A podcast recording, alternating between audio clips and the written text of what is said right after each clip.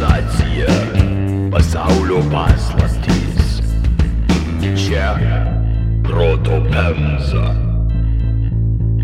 Mickevičius, Mickevičius, Mickevičius. Mr. Tadas. Ted. Ted. My name's Ted. Ted the Red. Tadas Radauskas būtų. Let's get some brewskis open, guys. Sveiki prisijungę šauniausiai prieteliai ir prietelkos. Jūsų ausies kanalu kelio mastalo link skinasi tinklalaidė Proto Pemza. Godus audio kefyro gurkšnis žinių troškuliui raminti.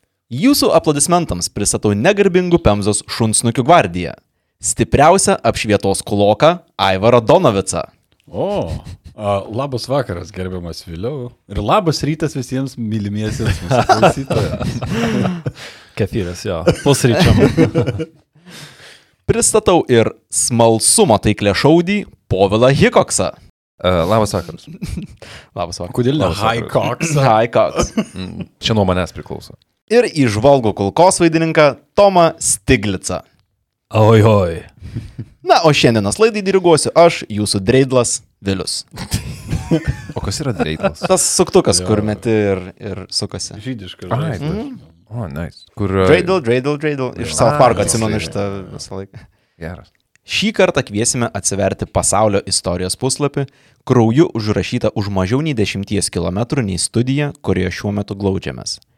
Temsime jūs į panerių bazę, pramoninę žmonių naikinimo stovyklą, kurioje skirtingais vertinimais nužudyta tarp 80 ir 100 tūkstančių, daugiausia žydų tautybės žmonių. Holokausto istorijoje panerių bazė įrašyta didžiosiomis raidėmis. Apie Vilnius pašonėje trejus metus trukusi košmarą buvo kalbama tiek nacijų teisme Nürnberge, tiek ir Adolfo Eichmano teisme Jeruzalėje. Patinka mums tai ar ne, miškai greta Vilniaus mena veikiausiai tamsiausius įvykius miesto istorijoje. Viešoje erdvėje neretai sutiksime terminą panerių žudynės, apibūdinimo suponuojantį nelik įvykį Vilnius pašonėje susiklostė ir nutiko spontaniškai. Tačiau 41-44 metais kraujo upėmis kalauta teritorija buvo žinoma panerių bazės ar tiesiog bazės vardu - konkrečios vietos įsteigtos planiniam žmonių naikinimui. Bazį ir jie supusiems įvykiams skirsime du epizodus. Nepabijosiu prisipažinti, kad planavome bazėje skirti vieną laidą, tačiau temos mastas, liudininkų ir įvykių gausa privertė rinktis - papasakoti greitai arba papasakoti gerai. Todėl gerbdami jūs ir save pasirinkome antrąjį variantą. Ir be to turbūt pati tema yra savotiškas minų laukas. Kur be, be, be išskleidimo tam tikro ne, niuansų reikalingų šitam visam kontekstui, tai yra neįmanoma papasakot vienareikšmiškai. Labai tikiu, kad po šiandienos epizodo gali būti žmonių, kurie pyks tiek dėl vienų, tiek dėl kitų paminėtų dalykų. Tai iš karto noriu įspėti silpnesnių nervų klausytojus. Šiandienos epizode daug šviesos nebus. Manau, kad Lietuvoje nesame iki galo suvokę, ką iš tikrųjų reiškia masinės žudynės, todėl nusprendžiu palikti grafiškus pasakojimus apie absoliučią brutalumą orgiją, kuri vyko panerėse. Tai nesakykit, kad nebuvot įspėti. Pala, pala, pala. Ša. Ką? Tyli, tyli, tyli. O jūs negirdit? O, o nebuvo jau šitoks reklamos scenarius prieš porą epizodų kažkada? Ne? Ne, jūs rimtai negirdit? Tave girdi nusišnekant, o ką tu girdi? Girdžiu, kad nesaugus internetas čia. Ar taigi jau darėm šitą medžią jūs? Nelabai ką padarysi, povilai. Ne. Apsisaugoti naršant internete gali su NordVPN. Programėlė užmaskuos tavo tapatybę internete ir garantuos visišką privatumą. Ai, šitą tai turi ir naudoja. Žiauri gera programėlė. Bet nereikia čia kuklintis, jie daug daugiau paslaugų turi nei tik VPN'as. Vėliau. Taip. NordVPN garantuoja interneto saugumą keliaujant, jungiantis prie viešo Wi-Fi tinklo ar prekinantis internetu. Ta prasme, aš prieš mėnesį rašiau šitą tekstą. What the fuck? Vėliau. Negana to, naujoji Meshnet paslauga leis sukurti privatų tinklą tarp visų tavo prietaisų - telefono, planšetės, kompiuterio ir dar nežinia kokių žaislų. Reikalingas video ar PDF darbo kompio, o tu namie? Nuo problemų mučiačio viskas pasiekiama per akimirką. Nori su draugais pažaisti per laną? Laisvai. Taip pat garantuoju visus sudomins Threat Protection apsauga nuo reklamų, stebėjimo priemonių ir kenksmingos programinės įrangos. Ta prasme, sugalvojai nuo problemų mučiačio ir viską nukopinai, bet dar apie Civilization turnyrą išėmė. Tai Proto Pemzos klausytojai gali pasinaudoti puikiu pasiūlymu. Įsigijus NordVPN planą dviejiems metams, keturis mėnesius gausite nemokamai. O jei nepatiks, turėsite 30 dienų atgauti savo pinigus. Ar domina? Nu, tai dabar kita eilutė visi unisono turi būti. Aha. Aha! Tai dabar galvoju, o kilintą kartą aš reklamose būnu tas tipo pasipiktinės. Tai eikite į nordvpn.com slash protopemza ir griebkite išskirtinį pasiūlymą geriausioms internetinio saugumo paslaugoms. nordvpn.com slash protopemza. Dar du kartus šitą reklamą išmoksiu atmintinai. Išmoksiu atmintinai.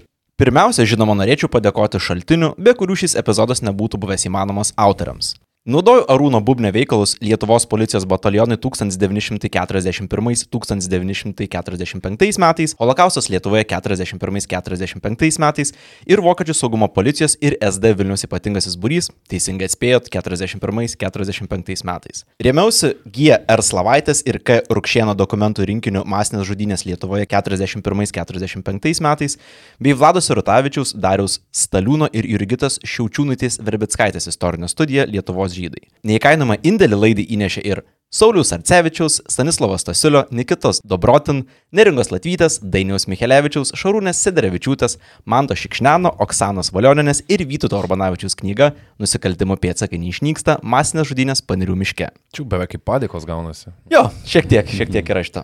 Galiausiai, vardan jūsų, mėly klausytojai, antrą kartą perskaičiau Kazimiero Sakovičiaus panirių dienoraštį. Aukso vertės pirminį šaltinį parašytą tarpukario žurnalisto, kelis metus pro langą stebėjusio žudynės paniriuose.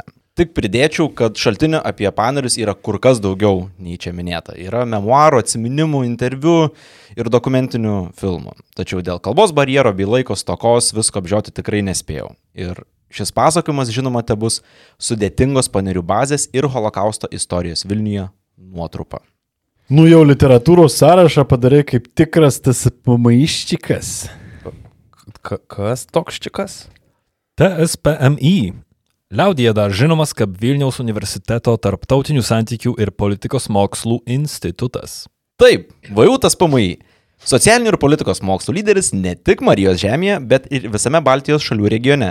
Ką jau ir bekalbėti apie Tomo Barzdos tankumo globalių ryšių tinklą. Iluminačiam tokio pavydėt. Neviniojant žodžių į medicininę vatą, tas PMI yra grina lyderių kalviai.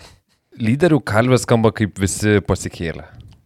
Ne? ne, kad žinok, visiškai priešingai. Tvirtos bendruomenės formavimas yra TSPMI stiproji pusė. Nenorėjau mes šitos kortos, ale trys iš keturių čia sėdinčių susidraugavo ir bendro, nebijokim šito žodžio, verslo link nujudėjo iš TSPMI suolo. Tai ten moko podcastus vest, ar kaip? Nebūtinai, bet jei net tas PMI, ne tik Aivorą ir Tomo nepažinočiau, bet ir kritinis mąstymas būtų silpnesnis, diskusijos grožis svetimas, o ką jau kalbėti apie gebėjimą ne tik perskaityti, bet ir suprasti daugiau, nei galvoju galintis. Istorijos vėjai jau tep nupūtė mus, kad tas PMI yra modernios geopolitikos širdį. Kažin ar per paskutinius 30 metų buvo didesnis poreikis suprast, kas vyksta. Jei svarstai, kur stoti, nedvėjok. Traukytis į PMI, institutas gimė kartu su nepriklausoma Lietuva, todėl masto globaliai ir savo sultyse neverda. Nuolatos juda pirmin. Pavyzdžiui, visai neseniai institutas paleido naują bakalauro programą pavadinimu Globalių iššūkių politika. Programa leis ne tik geriau apčiuopt, kas vyksta dabar, bet ir kaip viskas atrodys ateityje. Šalia visų tas pamaiščių kaip privalomų pagrindų sužinosi, kaip visuomenės veikia ir veikia klimato kaita, bioinžinerija, naujosios medijos, dirbtinis intelektas ir aibe kitų dalykų. Ai, nu jo, gerai šiai būtų suprast, kaip, pavyzdžiui, tokių įrankių kaip ChatGPT potencialiai sukeltos socialinės įtampos konvertuosis į, tarkim, rinkimų rezultatus. Ne? Sakau ir sakysiu. Politinis cyberpunkas univeros suolė, ne kitaip. Naujosios programos studijos vyks anglų kalba. Reiškia, kad ne tik susitiksi bendraminčių iš už jūrų marų, bet ir iškart atsiverši savo duris inovatyviausiom tyrimų sritim už mūsų vietinio kiemo ribos.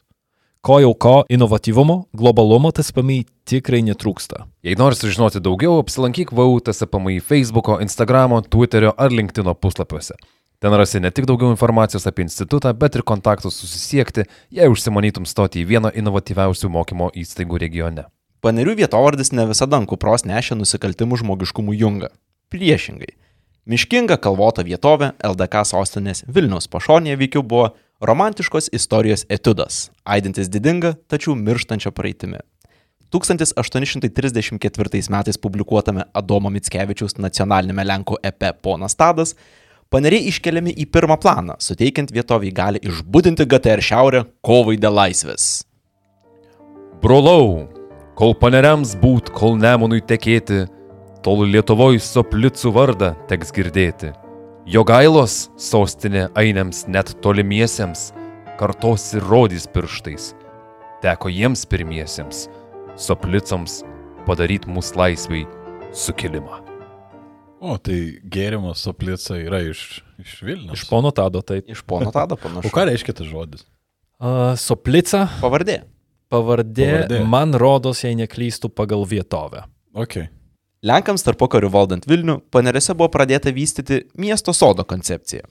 Įsivaizduokit kažką panašaus į prašmatnesnę žvėryno ar valakampių versiją su mediniais vasarnamiais išsidėsčiusią 535 hektarų ploto teritorijoje.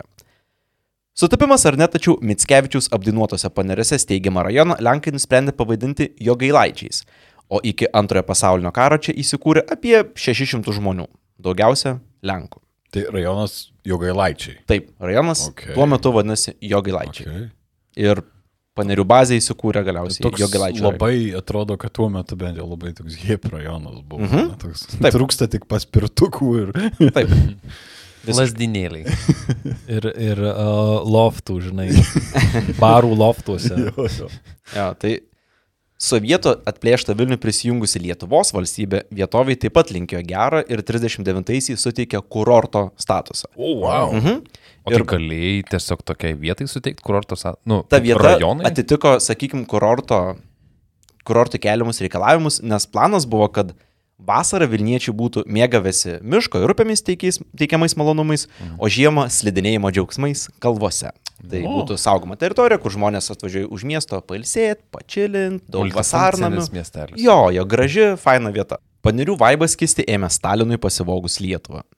Raudonarmiečiams GT romantika svetima, todėl jo gailaičio rajonui skirti gyvenamosios paskirties sklypai te buvo laikomi menkai apgyventa strateginė lokacija. Visai netoliese ėjo su Vilniumi jungiantys bėgiai, juos skirto strateginis Vilniaus Gardino plentas, o netoliese plėtėjo lauko aerodromams tinkami laukai. Išvystyta infrastruktūra lėmė, kad 41-ųjų pavasarį Panerėse sovietai pradėjo įrenginėti karo reikmėms skirtą kūro bazę. Tam tikslui spigliuota tvora buvo aptverta 5 kvadratinių kilometrų teritorija. Bet tai čia sovietai pradėjo tą teritoriją visą Taip. draskyti ir Taip. daryti Taip. ją į tai, ką... Nežinau, ar žiūrėt žemėlapį, bet visiškai prie panerių susikerta geležinkelis Jo. su keliu. Keliu. Mhm. Tai yra labai patogi vieta, jeigu nori ištransportuoti kurą į vieną pusę ar į kitą, o kuras turėjo būti aviacinis, skirtas lėktuvam, miške todėl, kad aviacinių reidų metu nematytų, kur bombarduoja, nu, Mhm. paslepia po miško priedangą. Pirmieji darbai prasidėjo šiaurinėje bazės dalyje, maždaug 47 hektarų plote. Palyginti, 47 hektarai yra beveik tiek pat, kiek užima Vilnius Akropolis su visomis automobilių stovėjimo aikštelėmis, ar pusantro karto daugiau nei Nemono sala Kaune. Šiame plote iškasta apie 15 kūro cisternoms skirtų duobių. Kelios jų buvo tiesiog milžiniškos - 30 m pločio ir 5 m gylio, sujungtos grioviais, kuriuose turėjo atsirasti kūrui transportuoti skirti vamzdžiai. Gerai sproktų. Tai čia turėjau tokia pakankamai slapta, užslaptinta vieta. Taip, būt. teko skaityti, kad būtent tikslas ir buvo slėpti po mišku pačią bazę, nes tuo metu dar na, nebuvo jokio, jokio kito būdo, kaip kitaip pamatyti, negu jeigu iš lėktuvo pamatai ir, ir meti bombą į tą vietą. Tai net po karo darytose nuotraukose, kur matosi na, atviros duobės, tam tikras jų dalis medžiai vis tiek užstojo. Taip, Tai taip, taip. Bet ar sovietai nugriovė kažkiek pastatų, kad įvyktų šitas? toj vietoj, kur pradėjo statyti pastatų, jei teisingai išskaičiau, nebuvo dar. Nebuvo. Buvo visa jo gailaičių teritorija jau suplanuota kvartalais, išskirstyti sklypai, kuriuose kažkas turėtų būti, bet prasidėjo statybos ne nuo tos vietos. Tie pasirinko kaip ir na, apytuštę vietą kaiminystėje kitų žmonių. Mhm. Tai įsivaizduok, jeigu dabar gyveni savo pasienio terasose ir ateina ir tau sako, dabar bus kūro bazė. Sėkmės. Nu, gyveni pasienį, tiesiog Nu. sieną priešais. Jo, realiai, realiai taip. Nacių kerzų kaukšėjimas Vilniuje pasigirdo 41 birželio 24, antradienį, praėjus vos dviejoms dienoms nuo Vokietijos invazijos į Sovietų sąjungos starto. Blogiausios jauninės Lietuvos istorijų. Galima būtų so taip far. pasakyti. So, So far.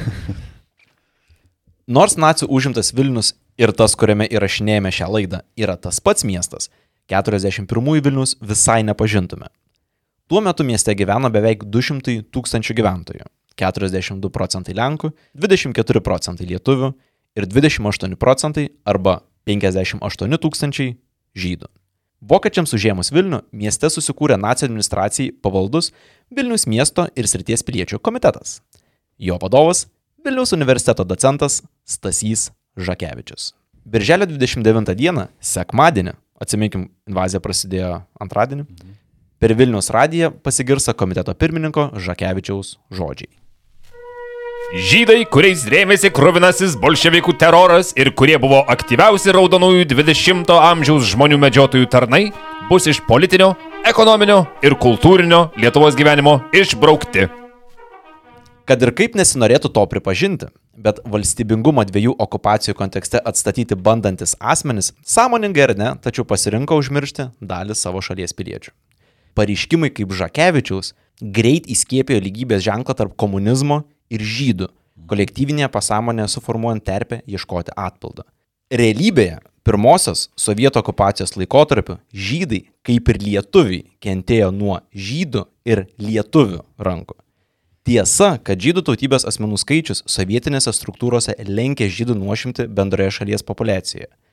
Nors 41 Lietuvoje žydai sudarė apie 7 procentų šalies gyventojų, 17 procentų Lietuvos komunistų partijos narių buvo žydų tautybės. Istoriniai dokumentai taip pat rodo, kad žydai savo laikė ir 32 procentai komisarų paskirtų tvarkyti nacionalizuotas įmonės, bei 15 procentų visų sovietinių valdininkų. Vis dėlto, girdėdami nuošimčius, nepamirškite, kad lietuvių šiuose struktūrose buvo dauguma.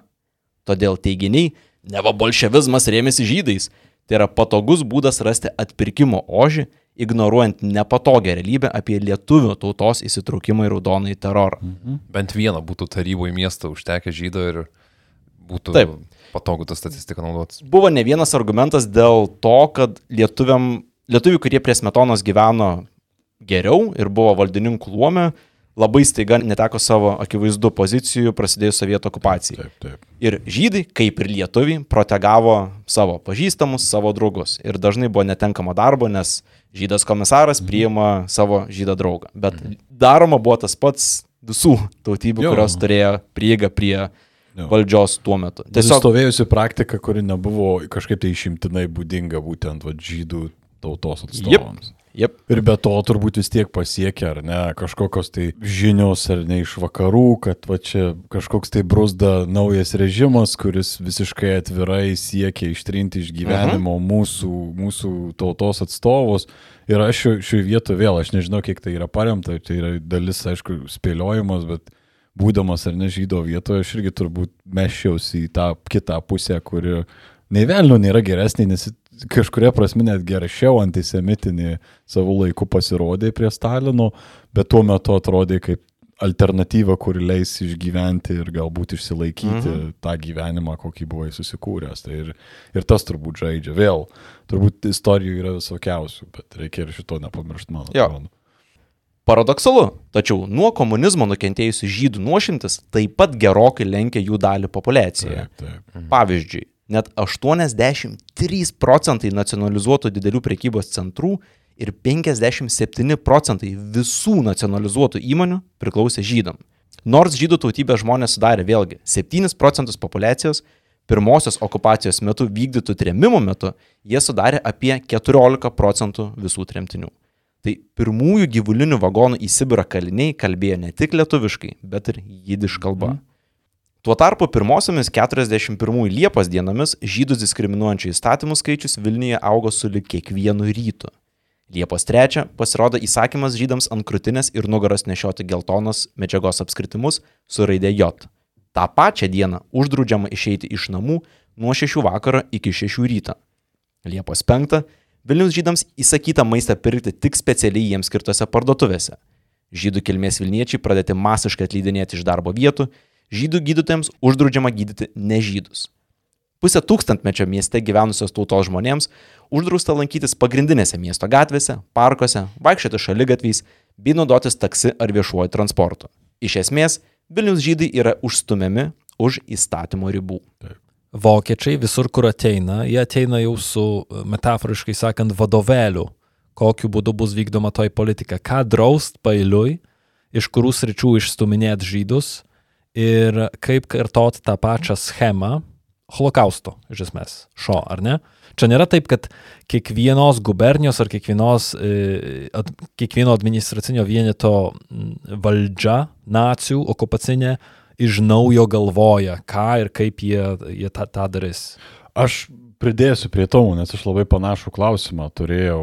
Ar to kažką apie sprendimų patį prieimimą ir tą visą algoritmą skaitai šiuo atveju, nes atrodytų sistema, kai labai nori, jinai žiauriai greitai dalykus daro, ne, jokios čia biurokratijos nėra priimant kažką. Mm. Ir tada kyla klausimas, jo ar nacija atvažiavo su vadovėliu, kas atrodytų žiauriai smulkmeniška, ar yra tiesiog pasakyta atvažiuoti ar nepastatyti žmonės į valdančiasias pozicijas, darykit kuo greičiau, kuo blogiau šitai visuomenės grupiai, gal teko kažką iš to. Įteisingai supratau, kiekvienos judančios armijos grupės dalyje, nes per Lietuvą, jeigu neklystu, ėjo šiaurės ir centro armijos grupės, viena link Leningrado, kita link Maskvos.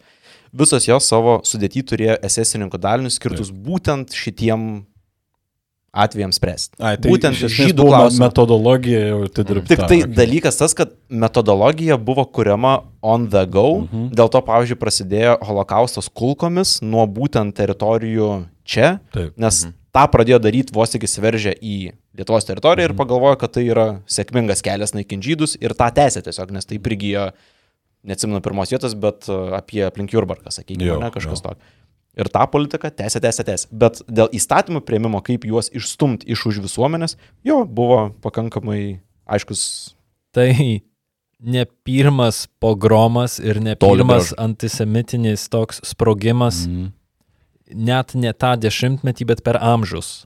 Toli gražu. Čia labiau, kad 20-ojo amžiaus e, industrializacijos ir be sielės biurokratijos metodai susitiko su antisemitizmu, o ne Mhm. kad juos reikėjo iš naujo O sugalvoti. jo, faktas. Žydų gyvenimą ribojančius įsakymus nacijai leido šūvių fone. Vilniečių žudynės prasidėjo Liepos 4-5 dienomis. Pretekstu paskelbtas neva dviejų Wehrmachto kareivių nužudimas Lukiškių rajone. Kaltais tapę Vilniečiai buvo paimami tiesiog iš gatvės ir įkalinami Lukiškių kalėjime bei nacijų būstinėje, pastate prie Lukiškių aikštės, kur šiuo metu veikia Lietuvos ypatingasis archyvas.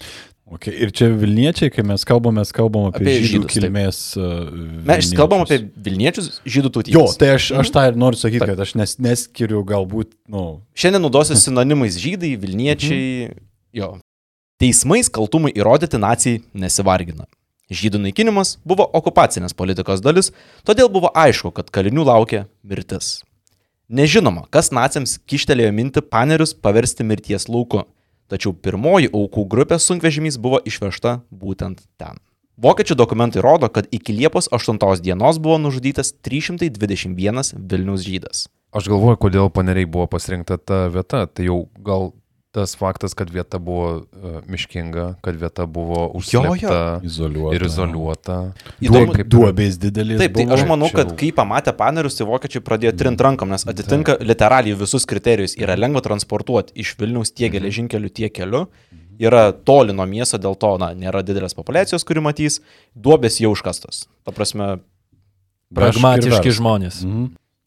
frontui spėriai stumintis Maskvos link, vokiečiai neturėjo žmogiškų išteklių savarankiškai vykdyti gyventojų represijoms. Reikėjo vietinių pagalbos. Praėjus kelioms dienoms po invazijos, lietuvių policija ir karinės formuotės nacijų okupacinė valdžia perėmė savo žinion. Specifinis Vilniaus bruožas Lietuvos kontekste buvo tas, kad didelė dalis čia veikusių taip vadinamų savisaugos dalinių buvo sudaryti ne iš savanorių, kaip pavyzdžiui Kaune, o iš lietuviškojo Raudonosios armijos 29-ojo teritorinio šaulių korpuso karininkų bei jų suburtų vyrų. Dalis iš maždaug 4700 vyrų buvo paleisti namo, dalis paskirstyti į policijos batalionus saugoti nacijų vadovybės pastatus ir palaikyti bendrąją tvarką. Kartu buvo atrinkta apie 150 tokių karininkų tarnautojų, kurie turėjo suiminėti žydus kabutėse ypatingam apdorojimui, kas reiškia nužudimą. Taip dienos šviesą išvydo Zonder komando arba ypatingasis būrys. Iš lietuvių sudaryta žudimo mašina, kurios raiktai sutrins beveik visus Vilnius miesto ir krašto žydus. Ypatingojo būrio atsiradimo kelias yra ganėtinai toks miglotas. Aišku tiek, kad darinys užgimė Liepos pradžioje pagalbinės policijos nuovadoje Klaipėdos gatvėje. Čia apie Vilnių kalbą. Vėl kaip greitai viskas vyksta. Pirmą savaitę reikia organizuoti Crazy. struktūrą, biurokratiją, kaip Tomas sakė, reikia veikti. Pirmuoju būrio vadu tapo karininkas Juozas Šidlauskas, kolego apibūdinamas itin agresyviu asmeniu, išsitraukdavusiu pistoleto kilus net ir menkiausiam nesutarimui. In other words, more like. Šidlauskas tai Piece of Šidlauskas. Vėliau žudikų būrio vadovo kerzus perims leitenantas Balys Norvaiša. Įdomus faktas, kad 1928 m. Baltijos šalių futbolo taurės varžybose Norvaiša vilkėjo Lietuvos futbolo rinktinės marškinėlius, o vienas tuometinių jo komandos draugų buvo mūsų jau apkalbėtas žmogus uraganas Romualdas Marcinkus. Tik jau vienas bandė pabėgti iš stovyklos ir panašiai, pridarė visko kitas. Dirbo stovyklai. O kitas gaudė tuos, kurie turėjo būti gražinami į stovyklą. Wow. Masinėms žudynėms sukurtas darinys vokiečių saugumui buvo pavaldus taip daugmaž netiesiogiai. Būrio koordinavimo veikla užsieima toks SS Unternsturmführeris Martinas Weisas. Sadizmas esesininkai uždirbo Weiss das Schwarz arba Baltas Juodasis pravardę. Liudininkai atsimena, kad Weissas nevengdavo apsilankyti ir panerių bazėje. Ir vos ne dėl smagumo iš tarnybinio pistoleto nušauti vieną kitą žmogų. Jis dalyvaudavo aplink dobės, duodavo įsakymus, ateidavo dabaigti žmonių, kurie dar nėra numirę. Ir tai žinia, kiek pasakojo, darė pakankamai, pakankamai laimingas. Čia yra nuoširdus nacis. Ta Tai prasme, esesininkas. į- Tai. į- Įtikėjęs tą propagandą, tą ideologiją, Jo. kad tai nėra žmonės. Pirmūnas. Taip, jis yra jau buvęs kare Prancūzijoje, iš ten grįžęs į Vokietiją ir paskirtas į Eisens. Aisens Gruppen. Taip, taip, taip. Įdomus faktas irgi šiek tiek įkontekstinant situaciją, kad Vaisas Vilniuje gyveno Teatro gatvėje, prabangiuose apartamentuose, ten, kur šiuo metu yra įsikūrusi Ukrainos ambasada prie rusų, buvusio rusų dramos teatro. Oh, wow.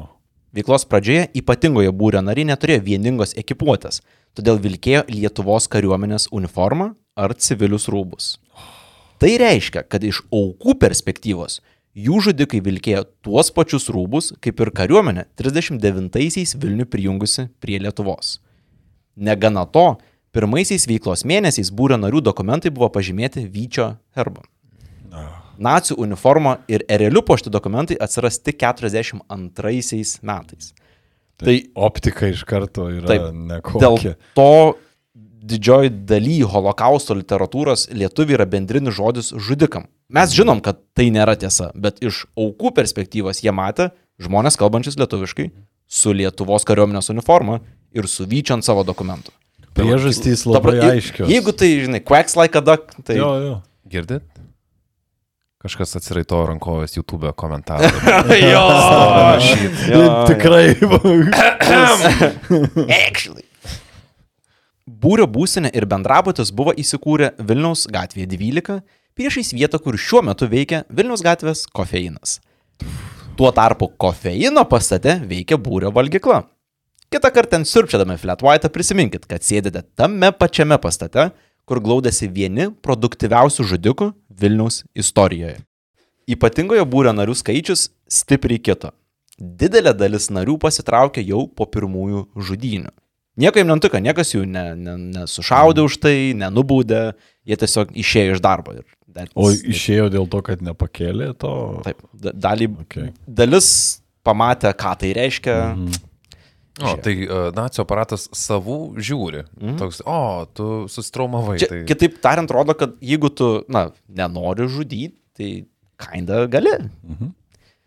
Liko tie, kuriems tokia veikla nemaišė. Narių skaičius galiausiai apsistojo ties maždaug 50-60 žmonių. Esant poreikiui, nauji kadrai buvo priimami per pažįstamus, gavus būrio nario rekomendaciją. Nu, referencai. Pagrindinė motivacija - būstas Vilniuje, nemokamas maistas ir proga apiplėšti žydus. Mm. Ypatingojo būrio narys Stasys Livčinas po karo liudijo. Kai kuriuos gerai apsirengusius vyrus ir moteris prieš sušaudant išrengdavome, palikdavome tik su apatiniais baltiniais. Drabužius išveždavo vadovavusieji šaudymui. Paprastai prieš šaudymą ir po jo visiems dalyviams duodavo degtinės. Deja, bet progų užsidirbti būrio nariams 41-aisiais tikrai netruks. Liepos viduryje Vilniuje prasidėjo masiniai žydų tautybės Vilniečių areštai. Gestapas, pagalbinė policija ir ypatingasis būrys be jokios priežasties žmonės suimdavo gatvėse, namuose ir darbovietėse. Dažniausiai sulaikyti būdavo nuvežami į Lukiškių kalėjimą. Ten jie buvo mušami, žeminami ir kankinami. Be jokio oficialaus kaltinimo civiliai žmonės buvo sugrūdami į kameras ir kelias dienas laikomi be maisto ir vandens. Sekanti aukų stotelė po Lukiškių buvo paneriai. Kelio nuo Lukiškių iki bazės paneriuose sulaikyti dažniausiai įveikdavo sunkvežimį priekaboje arba pėsčiomis. Remiantis ypatingojo būrio nario Petro Černiausko liudijimu ir 44 metų miesto ortografinė nuotrauka, paskutinė pasmertųjų kelionė Vilnius gatvėmis atrodė maždaug taip. Pro pagrindinį Lukiškių kalėjimo išėjimą sukama į dešinę ir keliaujama link dabartinės Vaižganto gatvės. Kairėje pusėje Lukiškių aikštė, dešinėje dabartinė užsienio reikalų ministerija. Kadangi tuo metu į Tauro kalną kylanti Kudirkos gatvė neegzistavo, kopiama pro dabartinės Aludarių ir Sierakausko gatves, kurios tuo metu sudarė vientisą kelią. Gatvės pradžia priešais dabartinį Local pubą, o pabaiga ties Čiurlionio gatve, kur šiuo metu yra VU medicinos fakultetas. Iš ten procesija slingdavo į Basanavičiaus gatvę, link Gardino plento ir juo buvo žingsniuojama apie 6-7 km iki pat panerių bazės. Paneriuose kolona pasitikdavo 2 metrų aukščio spigliuoto tvoro apjuosta teritorija. Vieta, kurioje sovietai iškasė žemę aviacinio kūro saugykloms. 30 m skersmens ir 5 m gylio duobės, sujungtos vamžiams skirtais grioviais. Koordinuotai žudimo procesas vyko nuo pat pradžių. Pavyzdžiui, Liepos 11-ąją nuo Lukiškių žydus atlėdėjęs ypatingojo būrio narys leitenantas Mečys Butkus pasakoja, kad keli šimtai žydų buvo suvaryti į vieną didelę duobę, kur juos saugojo keliasdešimt būrio narių. Apsauga ir aukšti dobės kraštai garantavo, kad vilties pabėgti iš ten nebūtų. Suvarius žydus į duobę, prie įėjimo ją buvo pastatomas stalas. Būrio nariai atrinkdavo maždaug 10 žmonių, nuvarydavo juos prie stalo, kur iš aukų buvo surinkami vertingi daiktai kaip laikrodžiai, žiedai ar brangenybės. Apvogus, žydams buvo liepiama nusirengti ir grupė buvo vedama prie kitos duobės krašto. Ten Vilniečiai išrikiuojami į eilę, o prieš jos atsistoja aukų kiekį atitinkantis būrio narių skaičius. Vokiečiams davus ženklą, lietuviai šauna. Bazės kaiminystėje gyveno Kazimieras Sakovičius. Iki sovietų okupacijos jis buvo žurnalistas pastate, kur šiuo metu įsikūręs mažasis teatras turėjo spaustuvę. Ten leido laikraštį pavadinimu Przegląd gospodarczy. ir tai reikštų, Ekonominė apžvalga. prasidėjus sovietų okupacijai jo verslas buvo nacionalizuotas, todėl jis su žmona persikėlė į Jogailaičius. Ta diena, kuomet anksčiau minėtas Butkus su šutve į panerius atvedė grupę žydų, Sakovičius išgirdo pirmuosius šūvius. Mane, kad tai pratybos. Ta diena, 41 Liepos 11, jis pradėjo vesti dienoraštį, tapsanti neįkainojama žudynių paneriuose atminimo detalė. Pirmasis jo įrašas skamba taip. Oras neblogas. Šilta, plaukia balti debesys. Vėjuota. Liepos 11 nuo miško aidi šūviai. Tikriausiai pratybos, nes miške, prie kelio naujakėmio kaimo link, įsikūrusi šaudmenų stovykla. Jau ketvirta valanda po pietų. Šūvių papliupos užsitęsia valandą ar dvi. Ant gardino plento sužinojau, kad miškan atvarė daug žydų. Į juos šaudo. Tai buvo pirma šaudimų diena. Sunkus, slegiantis jausmas. Bet kaip įdomu, šitas įrašas keičiasi per vidurį, kai jisai dar tik tai galvoja, kad tai yra pratybos Mhm. ir tada viskas išaiškėja. Ir visa ta nuotaika, kad jau slegiantis jausmas, kaip staigiai pasikeičia mhm. kiekvienas šūvis, kurį girdėjai, kurį prisimeni tą dieną girdėjęs, staiga pasikeičia į visai Mhm. kitokį garsą. Skaičiuojama, kad pirmąją aprašytą žudinių dieną buvo nužudyta apie 3-400 žmonių. Komunistai, lenkai, tačiau daugiausia žydų vyrai iš Lukiškių į panerius bus genami vėl ir vėl ir vėl. Sakovičiaus skaičiavimu Liepos mėnesį žudynės jo gilaičiuose pasikartos dar 16 kartų, viso atimant apie 5000 gyvybių. O iš kur jis sužinojo? Sakovičius gyveno name prie pačios bazės ir per savo palėpės langą matė žudynės plikakimi. Šitoje vietoje labai svarbu pastebėti, kad istoriniai dokumentai, žudynių dalyvių liud- liudijimai sutampa su tuo, ką užrašė Sakovičius. Tai yra Patik, patikimas. jo, Nu, vienas patikimas tiks- pirminis šaltinis, jo, vienas, vienas detaliausiai apipasakančių, kas vyko nuosekliai ilgą laiką. Įtin šlikštų, kad masinės žmogžudysės visada vyko apiplėšimo fone.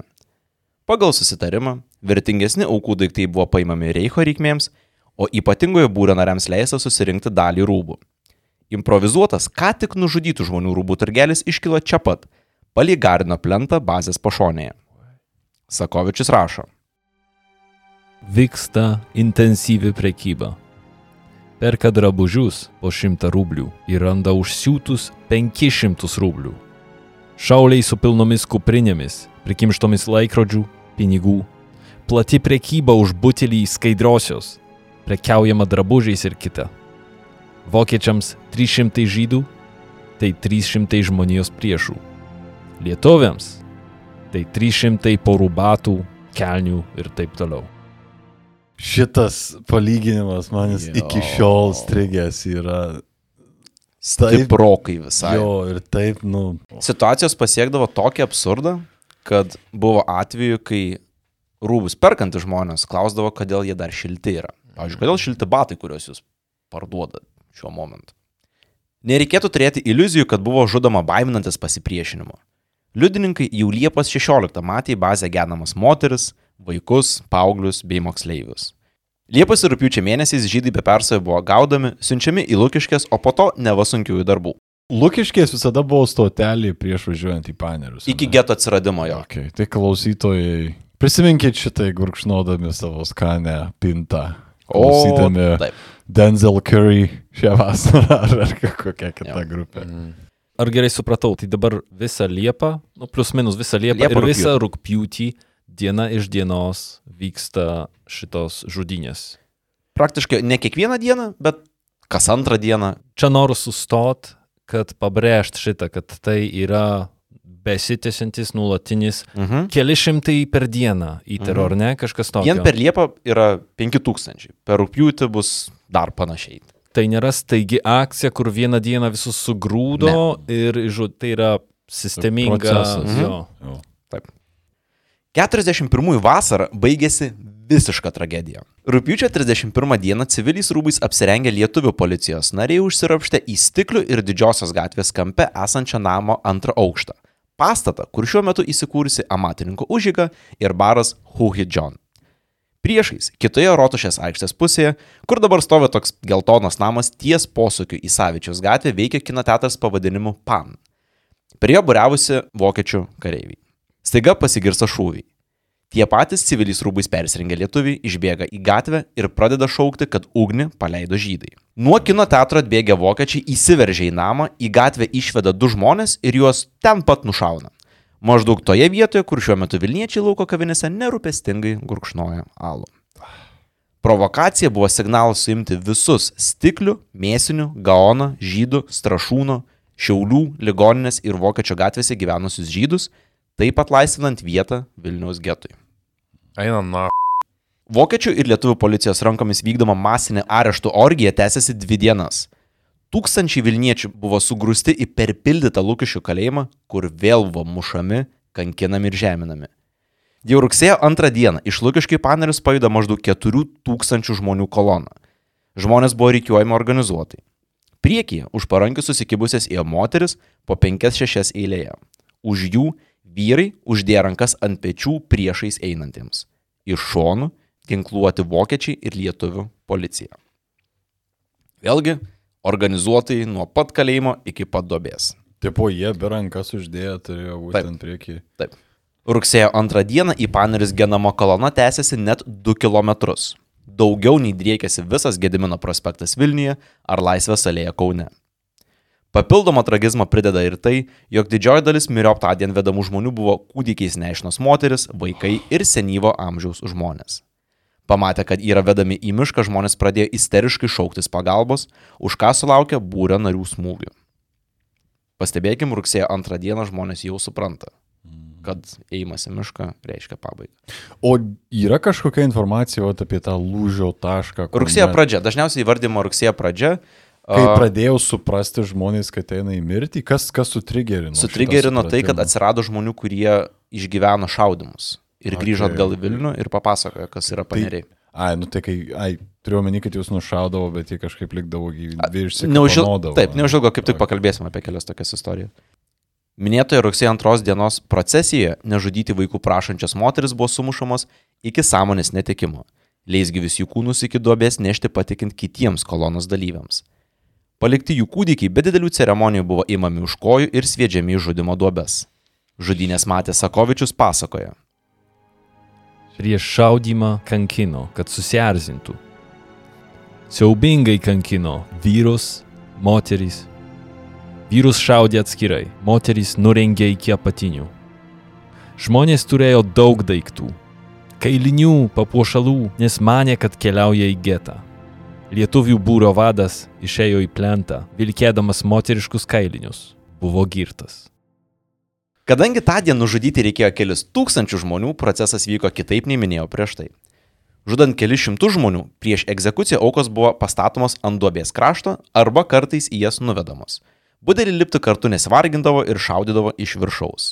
Žudant kelius tūkstančius, dažniausiai didesnėse duobėse pasmertiesiems buvo liepiama susikabinti už rankų ir eiti duobės gilumon į mažiausiai lavonus užpildytą vietą.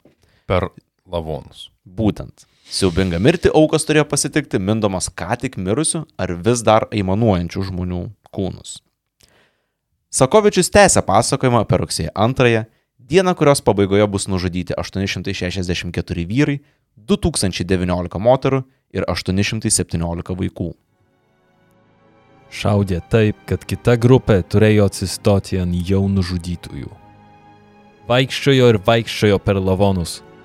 Užkasė iškart kitą dieną.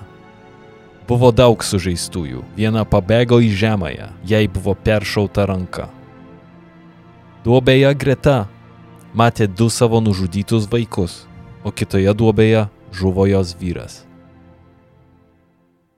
Nežinau, vėl siaubos groteskas, kai tu, tas jausmas, kai tu eini per leisgyvį įmanuojantį žmogų, į tą patį likimą, Mhm. mhm. ne? Tu šalia jo atsigulsi, dar va, turi motiną, kuri matė savo nušautus vaikus šalia. Nu, čia Ir yra- nepamirškim, kad tai vyksta, nėra, kad 2000 žmonių išrikiuoja ir vienu šūviu visus nušauna. Tai tęsiasi kelias, keturias, penkias Taip, taip, valandas. Tu taip. būni grupi žmonių, visą laiką girdi šūvius ir vis veda žmonės. Tu žinai, kas bus. Taip, nu. taip, bet tai yra, nu, aš ne, išprotėt turėtum. Visiškai. Visiškai. O šaudantieji tik girdėjo. Sakyčiau, tai priešingai. Pradžioj reikėjo labai pripirkti, kad iš vis galėt pakelt ginklą tiek kartų per dieną, o dabar šitoj vietoj mes jau matom tokį, Rutina.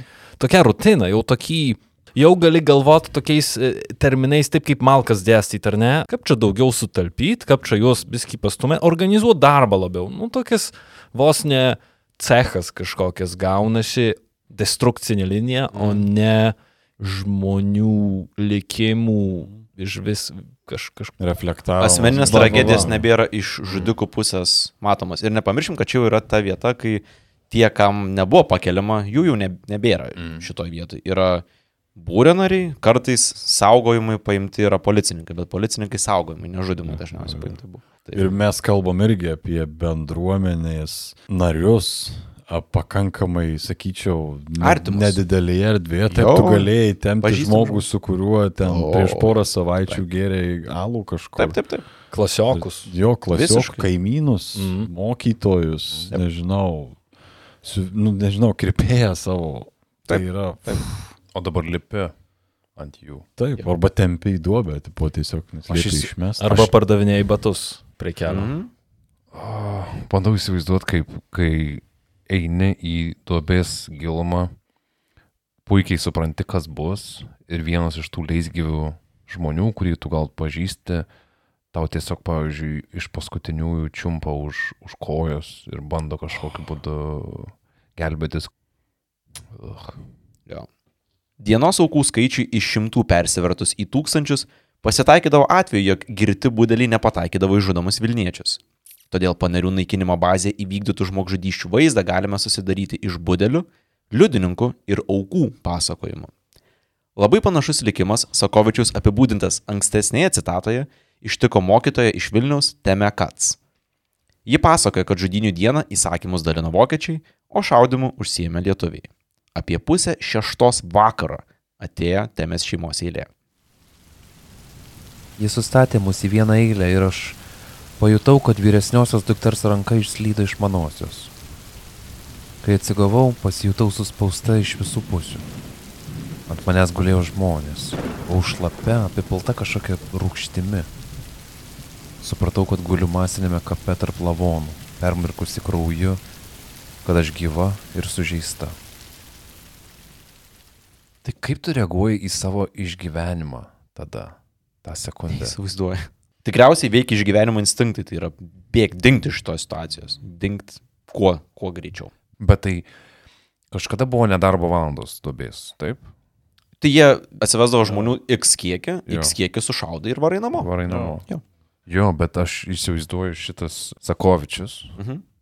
su savo žiūronais, dar nesutemus, jeigu tenai būdavo jau ramu, tai tu žiūri į duobę ir duobė gal dar juda.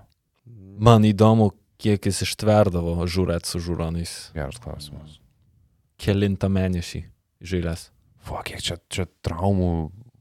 Irgi Kruša. tikriausiai atbunka. Per... Yra, jo tam tikri aprašymai yra neįtikėtinai detalūs ir grafiški. Mhm. Ta prasme, kur sunku supras, kad kažkas ne tik užrašė, bet savo akim matė tą dieną, diena iš dienos yra... Jo, šitas įspūdis ir man, kad taip net negaliu sakyti sausai, bet tiesiog tas toks detalumas vos ne mašininis, Mm, kur apie atsiranda. sprokstančias Taip, kaukolės taip, nuo taip. kulkų, taip labai aiškiai. Re reporteris tiesiog Jo, jo, susako taip. viską, kas tenais vyksta, kas yra, nu, Taip. spėjai, pirmom dienom buvo sunkiau, bet paskui teko kažkaip priprasti prie to. Išgyvenimo panerių bazėje dažniausiai lėmė aklas atsitiktinumas. Patekęs į bazę, nemenčinės gyventojas Wolf Kezev Gudas pasakojo supratęs, kas vyksta, tačiau negalėjęs priimti minties, kad tai paskutinės jo gyvenimo minutės. Sentimentas, kurį veikiausiai jautė dešimtus tūkstančių bazės aukų. Vedamas link egzekucijos vietos, jis dairėsi aplink, matydamas nužudytų žmonių kūnus, gulinčius duobėse. Ir išsigelbėjo, kaip pats sakė, dėl neplanuoto, bet koordinuoto sutapimo. Visiškai atsitiktinai užkliuvau už akmens ir nukritau. Taip sutapo, kad lygiai tą pačią sekundę budelis paleido šūvį. Šaulys buvo girtas ir jam pasirodė, kad nukritau, nes jis šovė. Gulėjau nejudėdamas, kol ant manęs krito žmonės. Jaučiau jų priešmirtinės konvulsijas. Klaikus. Labai klaikus jausmas. Bet tie, tie šauliai tikrai gatavi turėjo būti, nu, nes tipo visai nes... Jiem nebe, nebe, nu, Nu jo. kaip Tomas ir sakė, kur tu darai darbą, Ir jo, ir siunčia nuolatos dar, dar, Jo. dar, dar. Jo. Jo. Wow. Nu, ta prasme, čia. neįsivaizduoju, kiek kantrybės ir savitvardos reikia pralaukti visą dieną, kai toliau šaudo žmonės virš tavęs.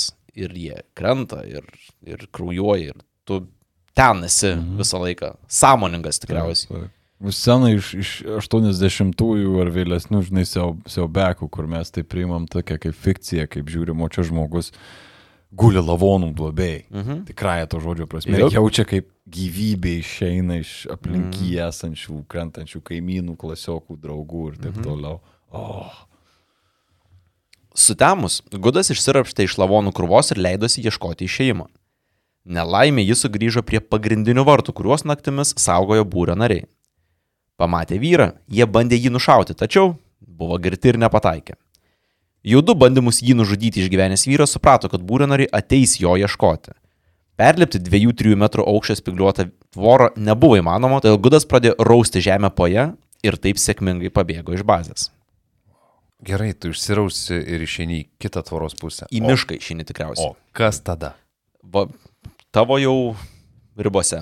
A, jo, aš manau, kad ir, žinai, to vėl, aš neįsivaizduoju, bet spėju, nėra to, žinai, minties svarbiausia, kad tu dingai iš tos vietos. Jaučiu, kuo toliau bėgi. Jo. Kuo toliau. Daugelis skaitytų išsigelbėjimo istorijų panašios. Netyčia netekę sąmonės ar laiku į duobę nukritę žmonės laukdavo nakties, išsirausdavo iš lavonų duobės ir bandydavo patekti į laisvę. Pasisekdavo toli gražu ne visiems. Remdamasis būrio nario Jono Borkovskio liudijimu, vieną tokių susidūrimų aprašo istorikas Stanislavas Stasiulis. Ta kart ryškiai švietė mėnesieną, todėl viskas buvo matyti.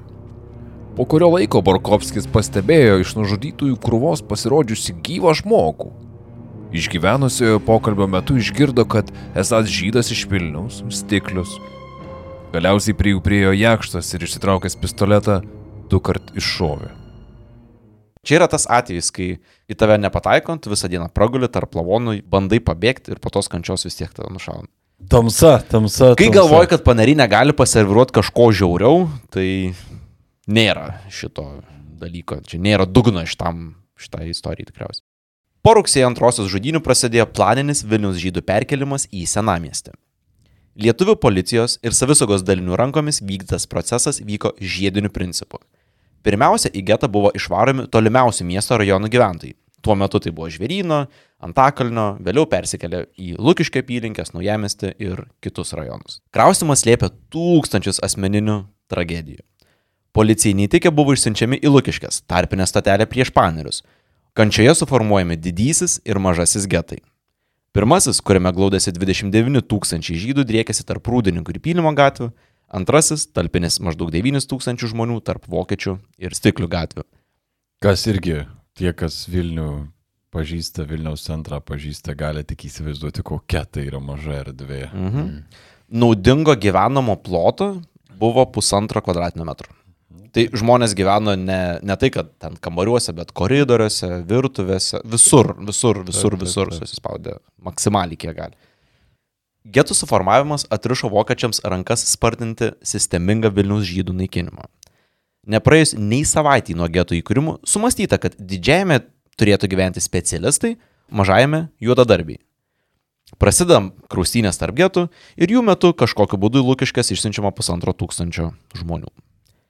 Ilgainiui valymais pavadintos aukų medžiojimo procedūros tęsiasi visą rugsėjį ir visą spalį. Vokiečiai nuolatos keisdavo žydams išduodamus darbo leidimus. Vienintelė jiems suteikta teisė egzistuoti. Netekę leidimo buvo iškeliami į Lukiškės, iš kur laukia paskutinė kelionė į bazę. Kitaip tariant, gete nuolatos kinta taisyklės. Tarkim, buvo, man rodos, vadinasi, geltonų ar baltųjų leidimo akcija. Mhm. Aš neatsimenu Vilniui to color code iki galo, bet pats principas yra keisti kuo dažniau taisyklės, kad tu vis rastum pretekstą suimti, išvežti. Nusijot kuo Jo. daugiau žmonių. Ir visą laiką bandai, čia šiaip yra psichologinis ginklas, kur tu žmonėms suteiki taisyklių viltį, kaip ir parodai, kad yra taisyklės, kurių laikydamasis gali išgyventi, mhm. bet tas taisyklės pastoviai keiti. Vėlgi grįžtame prie to klausimo vadovėlio. Ant kiek čia yra kažkas naujo, ant kiek juos apmokė centras, kad, va, žiūrėkit, tokios taisyklės, tokie ginklai, tai veikia geriausiai, kad juos slopyt. Vieną tokių mano minėtų valymų spalio 24 dieną išgyveno Vilnietis Josefas Medaiskis. Prieš išvarant iš motinų atėmė kūdikius, kuriuos metė tiesiog ant grindinio, užšaukiančias motinas mūšį. Kai vaikai buvo atimti, vienas po kito atvažiavo sunkvežimiai. Vaikus už kojyčių sumetė į kėbulą ir išvežė į nežinia kur. Aš į Lukiškių kalėjimą buvau varomas su antra kolona. Tačiau man su sūnumi uosto gatvėje pavyko išeiti iš kolonos ir įsimaišyti į šaligatvėje stovinčią ir spoksančią minę. Eidami vienas kitam nuėmėme prikabintas žvaigždės. Čia gal wow. švelniam patikslimui tai yra išėjimas pro Rūdininko gatvės vartus, įsukimas į dabartinę Pylimo gatvę priešais kiaušinį dabartinį. Um, ir ėjimas per Pylimo gatvę tiesiai iki Basanavičiaus ir tada į viršų kilimas būtų. Dviejų su pusę tūkstančių žmonių kolona, ta pati iš kurios pabėgti pavyko Medaiskiui, iš Lukiškių paneris buvo išsiusta spalio 25 dienos ryte. Sakovičiaus dienoraštė diena pavadinta Siaubingas šeštadienis. Visiems kolonoje buvusiems žmonėms perėti prie Sakovičiaus namų buvusią pervažą užtruko 25 minutės. Einant kolonai jau girdėjosi šūvių salvės, nes nacijai kartu su būrio nariais nuo 7 valandų ryto naikino sunkvežimys atvežtas moteris ir vaikus. Tikriausiai tuos pačius, kuriuos minėjo Medaiskis. Sakovičius pasakoja. Voros ėjo gana lietai. Veiduose matėsi siaubingas nuovargis. O salvės tuo metu aidėjo be perstojo. Pasmerktosios pradėjo jaudintis. Viena jų kreipėsi į stovintį šalia būdelės Visotskį. Kokia čia vietovė? Anas, nepaisydamas, kad už kalbėjimąsi su pasmerktaisiais grėsė mirtis, susijaudinusiu balsu atsakė skiemenuodamas. Pa, ne, rei. Eilėse pasigirdo verksmas. Žydės ėmė trauktis atatupstų. Tada karininkų įsakymų kareiviai pradėjo mušti jas buožėmis. Nacių skaičiavimis tądien panerėse nužudyti 2578 žydai, 1766 moteris ir 812 vaikų. Tai čia buvo vaikai ir moteris. Moteris ir vaikai, tik tai atskira Jesus. akcija šitam Didžiam Kon- pavojui. kontingentui. Reichui. O, jezu. Jep, jep, jep, jep. Masinės Vilnius žydų žudynės, kuomet budeliai nužudė daugiau nei tūkstantį aukų, dar vyko mažojo geto likvidavimo kontekste spalio 27, spalio 30 ir lapkričio 6 dienomis. Nors mažesnio mąstymo žudimai po keliasdešimt ar kiek daugiau nei šimto žmonių bazėje tęsiasi, masinių žudynių nebus kurį laiką. Menka pagoda. Jei okupacijos pradžioje Vilniuje galėjo būti maždaug 58 tūkstančiai žydų, gruodį jų buvo nedaugiau 20 tūkstančių. Istorikų vertinimu, nuo 41 rugsėjo 1 iki lapkričio 25 per 85 dienas ypatingojo būrio nariai nužudė apie 32 tūkstančius Vilniaus ir jo apylinkių žydų. Vidutiniškai po žmogų kas 3 minutės. Valanda iš valandos, diena iš dienos, 85 dienas be perstojo. Neskaičiuojant rūpjūčio ir liepos. Ypatingojo būrio vadas, jaunesnysis leitenantas Balys Norviša, kuris, kaip minėjau, su Marcinkum žaidė kartu rinktiniai, skundėsi Vilniaus geto policijos vadui, buvusiam Lietuvos kariuomenės kapitonui, žydų tautybės Jokūbui Gensui. Žinai, Jokūbai, aš negaliu miegoti. Atsigulu į lovą, prie lovos stovi naktinis staliukas, tai atsidaro to staliuko durelės ir pradeda eiti visokiausi kraujuoti, be galvų, be akių, be veido, tik eina, eina. Jo, Kinel, tai čia jau prasideda gliūčinimas jau dabar jam. jo, čia irgi yra spalis per patį įkarštį. Tai akivaizdu, kad būrio narių būklė irgi nėra gera. Aišku, nusispjautum ant jų būklės, O, bet jo, jo, visiškai. O Balys Norvaišai jisai buvo jaunas? Balys Noruša yra 1907 metų gimimo. Ok, tai čia jam apie 35 kažkas mm. tokio. Tai jau subrendęs vyras. taip žinojo sakant, ne tiksliai, ką daro. Ir jis buvo būrio vadas. Antras būrio vadas. Pirmas nusigėrė ar kas jam nutiko, aš nežinau. Nes mm. Norvišą perėmė rugsėjo gale ar spalio pradžioj, kai buvo jau pats pats įkarštis žudynių, kai tūkstančių po tūkstančių buvo vedami Bet prieš tai kožną kartą. kokios jo pareigos buvo? Jis buvo būrio narys. Jo, Okay. tiesiog. Mm. Tai puikiai ten viską matė. uolus būrio Mhm. narys, Jep. greičiausiai. Šiandien norėčiau sustoti kartu su 41 metų pabaiga. Nuo 42 prasideda vadinamasis ramybės periodas. Nacių karo mašinai pradėjus buksuoti rytuose, masinės žudynės apstojo, nes vokiečiams paprasčiausiai reikėjo vergų. Tiesa, ramiu šis laikotarpis gali būti laikomas nebent holokausto kontekste, nes kraujas nesustojo lietis nei vienai dienai. Sugrįšime su antra dalimi apie panirių bazę už dviejų savaičių, kur papasakosime apie tą krūviną ramybės periodą, bazės naikinimą ir gal net užteks vietos papasakoti apie pabėgimą iš bazės. Vienintelį šviesos spindulį šioje krūvinoje istorijoje. Bum, ačiū vėliau. Prašom, žinai, ką jau Jo, čia. čia gal blogas žodis sakyti, ačiū. Bet ne, aš manau, kad gerai, kad reikia kalbėti, reikia kalbėti detaliau, nei mes iki šiol esam kalbėję. Kažkaip ir galvojau ir prieš epizodą ir visą kitą, kad nu, mes neturim ir nežinau, kalbėjimo per kultūros formas ar ne apie visą šitą tragediją. Buvo ar ne filmas apie Vilniaus getą, kuris, nu, kaip jau įvertinsime, taip jau įvertinsime, bet šita istorija, kuri, kaip tu pats sakėjai, ar nenuskambėjo didžiausių pokario mhm. teismų susijusių. integrali jo. didžio, didžiojo holokausto. Taip, dalis. taip. Ir čia, nu, žiauriai tamsu vėl, ypač jau po šito epizodo, bet ypač po antrojo, tikrai, turi- manau, kad turės žmonės nuvažiuoti ir... ir Mhm. Aš pats planuoju važiuoti po antrą epizodą A- dar kartą. Tai. Žinai, sutapimas ar ne, bet aš irgi pagalvojau kaip tik, kad, kad, kad kai pasibaigs šitą miniserija epizodų, aš, aš irgi dar kartą ten nuvažiuosiu pavaikščioti ir pažiūrėti, kaip, mhm. nu, kas, kas toje erdvėje visgi yra. Bet, bet kokiu atveju sunku kažką, žinai, ir pasakyti, nes tamsa seka tamsa, viskas eina tik gilyn ir gilyn. To, turbūt didžiausias tas toks baisusis dalykas, kad atrodo vis labiau ir labiau, kad iš visų pusių tas naikinimas visgi buvo toks labai racionalus, labai metodiškas. Jo. Jis nebuvo, ar ne tokio pilnas tokio chaoso, kuris irgi gali atnešti didelius siaubus, bet kaip tu sakei, kad čia nebuvo žudynės, čia buvo žudymas.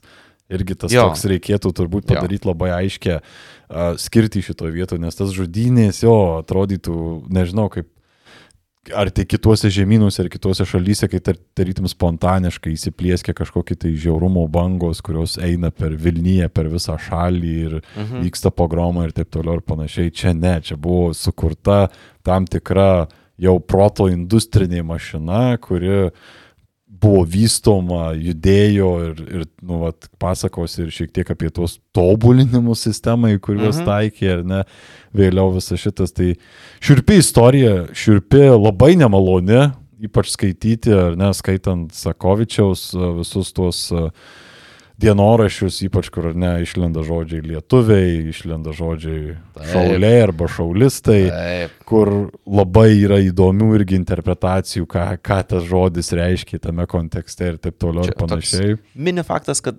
Sakovičius knyga lietuvių kalba buvo išversta 2012 metais. Kas yra visiškai ir, ir kiek yra dar memoarų ir liudymų neišversta, kaip ir vat, kalbėjom su Vilium trumpai, kad yra rusų ir jidiš kalbomis palikti atsiminimai, kurie iki šiol nepasirodė mhm. pas mus mūsų kalbomis. Tai šiuo atveju kalbėjimas apie tai ir gilinimasis į tai ir tos rolės, mūsų netgi rolės suvokimas visuose tose įvykiuose jokių būdų nereiškia, kad mes kažkaip tai save nužeminam arba panaikinam.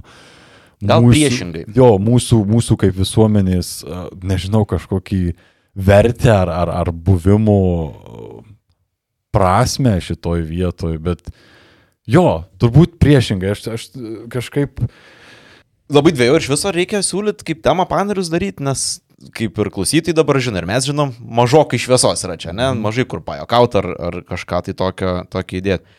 Bet kažkaip aš nematau panerių kaip Vilniaus istorijos diskurso dalim. Ir mane tai glumina kažkada. Visiškai. Paneriai yra toks istorijos atminties, nežinau, užkampis. Nors tai yra milžiniška tragedijos Taip, taip, vieta, taip. kur žmonės, kurie atvažiuoja į, į Vilnių gyventi, jie nesužino dešimtmečiais apie panerius, jeigu jų, nežinau, kas nors nepaskatina tą padaryti. Tada vaikšto senamešio gatvėm ir nesupranta jų konteksto. Ir jie niekada neįeina į to miesto patirtį pilnai. Ir man, aš niekaip negaliu šito suprasti, kad trans- taip gali būti. Pati transformacija yra šokiruojanti kažkuria prasme, ne? Nes kai pradedi, vat kaip tu pradėjai kalbėti apie panerius, tas buvo toks, ar ne, Jogailaičių rajonas, tas toks kilimas iš tokios istorinio romantizmo mhm. tradicijos, ar ne, sąsajų tų tokių naciona, nacionalinių radimų ir taip toliau, tapimas, kaip suprantu, tokiu prestižiniu rajonu Jo, šalia jo, Vilniaus, jo. į kurį tikrai važiavo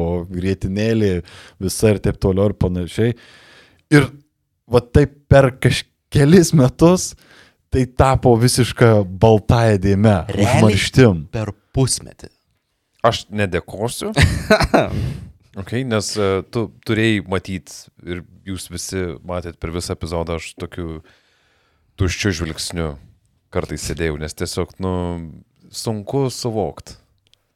Ir norėjosi, kad klausyčiau istorijos apie kažkokią kitą planetą, apie filmą kažkokį, kažkokią fikciją. O realybė tokia, kad čia yra istorija apie vietą, kur galiu nuvažiuoti su troleibusu.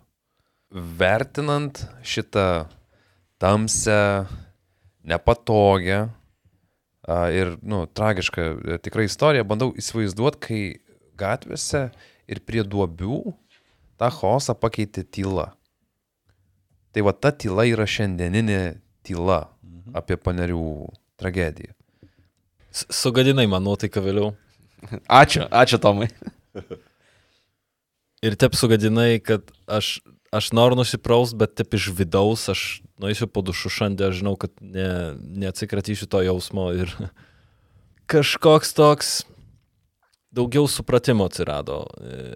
Iki šiol apie panerius aš daug nebuvau girdėjęs. Tik tai stiprų įspūdį susidarau. Už tai, kad aš dar turiu tą, tą poziciją kažkiek iš šono stebėt. Vis, visą gyvenimą, kur be atsidursiu, aš, aš stoviu iš šono. Ir panerų kontekste visą laiką gaubė kažkoks toks tabu. Kažkoks, mm. kiek man Lietuvoje teko susidurti su šita tema, visą laiką buvo toks Lietuvos istorijos Voldemortas. Šito žodžio geriau nesakyti garsiai, apie mm. tai nešnekama. Ir dabar supratau, čia yra tokias e, pūlinys lietuvių tautos sąžiniai ir žaizda Vilniaus istorijos trafareto, apie kuriuos nevalia pamiršti, kaip tik reiktų tą pūlinį išspaust. Ir man atrodo, kad e, toj kažkiek kartojus, bet šita, e, šitas pokalbis visuomeniai Vilniaus, Lietuvos turi įvykti ir jis nebus malonus ir bus daug piktų žmonių, nes kiekvieną kartą, kai yra kalbama apie 20-o amžiaus tragedijas centriniai rytų Europoje, prasideda aukų olimpiada, yep. kas nukentėjo labiau. Ir pradžioj epizodo galvojau, stengiausi žiūrėti per tokią prizmę, o gal čia nereikia, aš vis yra klaidinga visą laiką nueiti tuo tautybių kažkokiu mm, filtru, o geriau šnekėti apie okupantus ir aukas, apie kolaborantus ir, ir nukentėjusius. Nuolė neišvengsi. Yra tas tautybės elementas, kurio tu negali čia atsikratyti už, tai, kad jis kiekvienam žingsnį vis išlenda. Kad čia vis dėlto statistiškai daugiausiai buvo žydai, antra grupė lenkai, o tų, kurie šaudė, ten buvo vien tik lietuviai? Ar beveik vien? Nu, netikiu, kad buvo vien tik lietuviai, bet buvo beveik vien. Ypatingam būry keli rusų, man buvo gal vienas kitas lenkas, bet didžioji dauguma. Šitas epizodas tai buvo tokie laiptai žemyn. Ir tu pačioj pradžioj padarai tris labai mažukus laiptukus ir mes jau atsidūrėm pragara. Ir tada vis dar žemiau, žemiau ir mes jau seniai pragara, bet dar pasirodo jis step giliai lenda ir jis step blogėt gali. O čia yra dar tik pirma dalis. jo. Jep, jep, jep, jep. Nemeluosiu, bet neįsiu į kitą epizodą su kažkokiu dideliu entuzijazmu, o labiau kaip pas dantistą, žinai. Reikia nueiti ir skaudės, bet... Nesiparink tam. Bus blogiau, jei neįsiu. Maniau, jo, maniau sakyti, kad visai neteis. jo, tada būtų visai negerai. Bet nesparink, antras epizodas prasidės dar blogiau negu šitas ir eisim dar kelis žingsnius toliau, bet lingalo išlipsim iš to į dienos šviesą. Aš nežinau, ar man patiko šitas spoileris. Paulai, Paulai, Nu, ar tu nenujauti? Ne, ne, jeigu man taip dantistas pasakytų, tai aš sakyčiau, kad gal... Gal davai. Jo. Jo.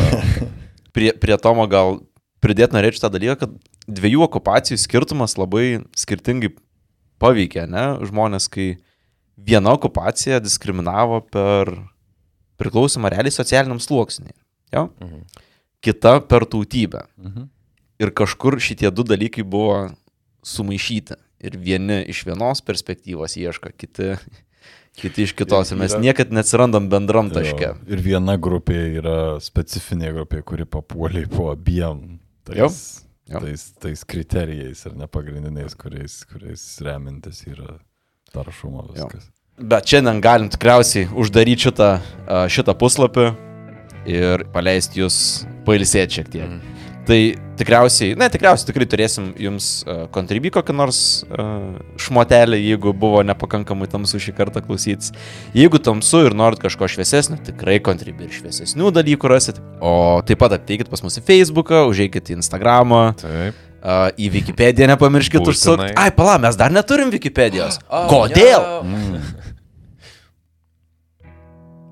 Čia atsakymas, sako žmonės, mes tiesiog negirdim.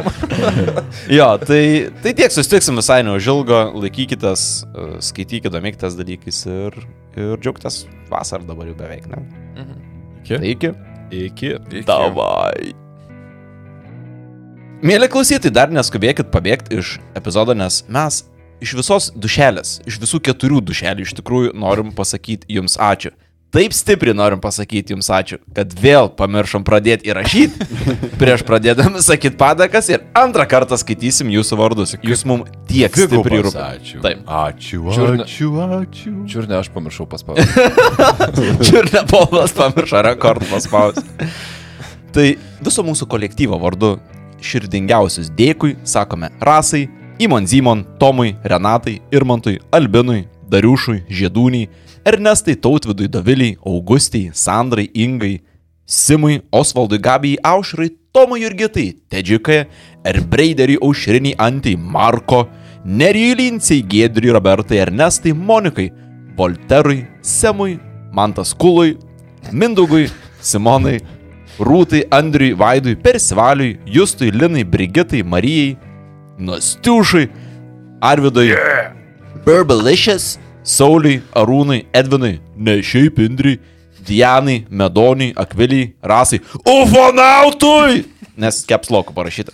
Jolitai, Vygai, Gretai, Giedriai, Rūtai, Tomui, Gabrieliui, Benui, Rolandui, Tadui, Justinui, Domantui, Jovitai, Eirimiai, Ainui, Dominikui, Andriui, Mikui, Evelinai, Kaugiai Mūgiai, Gediminui, Džin, Dominikai, Simui, Egliai, Justinui, Kunigundai, Venskūnaitai, Auritai, Šarūnui, Jurijui, Linai, Stepanui, Arminui, Lauritai, Pauliui, Meškiui, Mariui, Ryteniai, Treigytei, Gabrieliai, Melitai, Marijai, Žygimantui, Jonui, Justijai, Edvardui, Mykolai, Editai, Arūnui, Sauliui, Rūtai, Benui, Dominikui, Rasai, Darislavui, Aistai, Tadžikučiui, Remigijui, Gretai, Egliai, Audrai, Miki Būrui, nes irgi kapslokų parašyta. Perdodame estafetę gražiausiam šio vakaro Aivarui. Aivarui. Nuoširdus ačiū tariamas. Doviliai, Andreliui, Simui, Mariui, Domukui, Mildai, Vaidui, Pučinskaitai, Gretai, Agniai, Akučkaitai, Bitskai, Jurindai, Povilui, Egliai, Julijai, Mantui, Robertui, Mindaugui, Pijui, Pusiau automatų šaudo. O, o, Pauliui, Vytautui, Deimantai, Mantui, o jau įrašinėt? Dėdei Tomui, Elvitai, Ir girdisi muškinį tiesiog karsai. Kur dar po jo klausytai? Dėdė Tomui Elvitai, Emantui Viliui, Skirmantei, Monikai Aušriniai, Kristinai Arnui Aidai Medeinai, Urtei Egliai, Gintai Doviliai, Mantui, Agniai, Mykolui Dariui, Raimondui, Eitvydui, Inai Gailiai, Mirandai Agniai, A Dariui, Viriau Punk, Dievui Agurkui, Laimonui Petrui, Liudui Redai, Raimondui Solveigai, Kristei Vytautui, Justui Almantui, Migliai Karolinai, Robertui Marijui, Robertui, Vaidotui Tomui Geruliai, Gyčiui Irmantui Silvijai Rokui, Soliukiai, Elijui Martynui, Kestui Daliai, Tumėniai, Gustei, Linai, Aistei, Arnui, Vilitai, Rimantais, Rasai, Deimai, Donatui, Gabrieliai, Rekui, Giedriui, Kornelijui, Šiget. Doviliai, Simonai, Rimai, Vikai, Benui, Antropikui, M. Na, o padėkos toliau tęsiasi. Ačiū Lukui, Jėvai, Viliui, Matui, Gretai Bagdo, Mr. Mindaugas J, Eimantui, Astai, Ugniai, Audriniui, Paulinai. Ptšč. Kam reikia suprasti? Rūtai, Editai, tėvo Vamzdžiui, beje.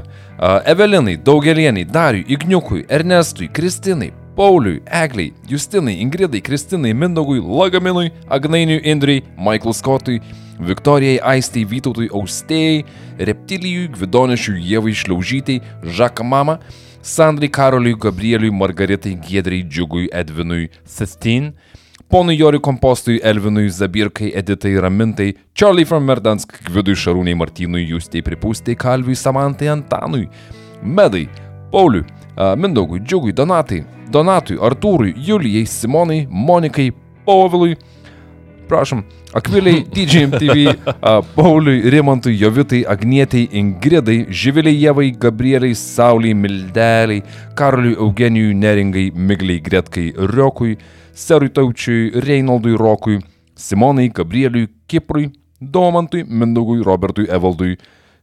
Mm, didus bybus parašyta. Nice. What do I do? Uh, Middle Fartui, Miestas Danijoje. Nepamirškime šito. Arnoldui, Vnirščiukui, Tomui Vaidotui, Medžiui, Betonburniai Vagonetai, Jogiliai, Almai, Davidui, Tadui, Širdingas dėkui, padėkosim, bet prieš tai haiku verta buvo laukti. Pemzėtis šneka, įrašo nenjungęs. It šeškas kurčias. A, ačiū. Rimai, Romualdui, Laurinavičiui, Donatui, Migliai, Pisimantui, Makštučiui, Erikai, Markui, Gin, Gretei, Linai, Maks Galingumui, Martynui, Agniai, Renatai, Kamiliai, Gretai, Brigitai, Barškalui, Gerdai, Laurinui, Rapului, Jevai, Štrimaitytei, Viktorija Sumui, Nykštukų fabrikėliui, Neringai, Eiviliai, Evaldui, Juliui, Arūniai, Neringai, Inesai, Liochai, Linai, Donatui, Daivai, Baronui, Birutei, Birutei, dviem Birutėm, Viktorijai, Pauliui, Gal sesės? Eimantui, Pavadintas to pačiu vardu. lengviau. Birutė vienas ir birutė du. Kaip, kaip George Foreman, žinai. Laurinas is Alitausui, Kamiliai, Pikabų Zebu, Adeimantai, Laimonas Vilui, Exzibo, Ui, Dariui, Mariui, Benediktai, Mantūsui, Kristinai Doviliai, įdomas JW, Hulinarai, Justinai, Pemetrai, Tulpaitai, Duonatui, Ugniui, Linis, Ui, Dominikui, Dainorai, Ritai, Julijai, Duke Silver, Artūrui, Erikai, da, Dianai, Tomasino, Tomui, Jas, Marijui, Egliai, Erikai, Kamiliai, Giedrui, Radzvilai. Dietlovo meškutėms Martynui iš Raufos. Čia Dietlovo Augustai. meškutės eina toliau. Po šito visas yra Dvi, Dietlovo dvi, meškutės. dvi taškis taip. Dainvieniui, Aurimui, Godai, Viktorui, Bag, Tautvydui, Irmantui, Evelinai Mar Martinui, Jevai, Justinai, Emilijonai, Egidijui, Mantvydui, Saulei, Raimondui, Marzazilui, Valiui, Liudai, Dominikai, Vismantiai, Padzumbiškių kamienui, Jasna. DJ Music, Peledžiukai, Vilmai, Monikai, Katablankui su Katablankiukais visai šeimai, Arūniai, Neringai, Mildai, Audriui, Beigi, Gražviliai. Ačiū. Neišpasakyti ačiū Jums už tai, kad esat su mumis, o mes būsime visą laiką šalia Jūsų.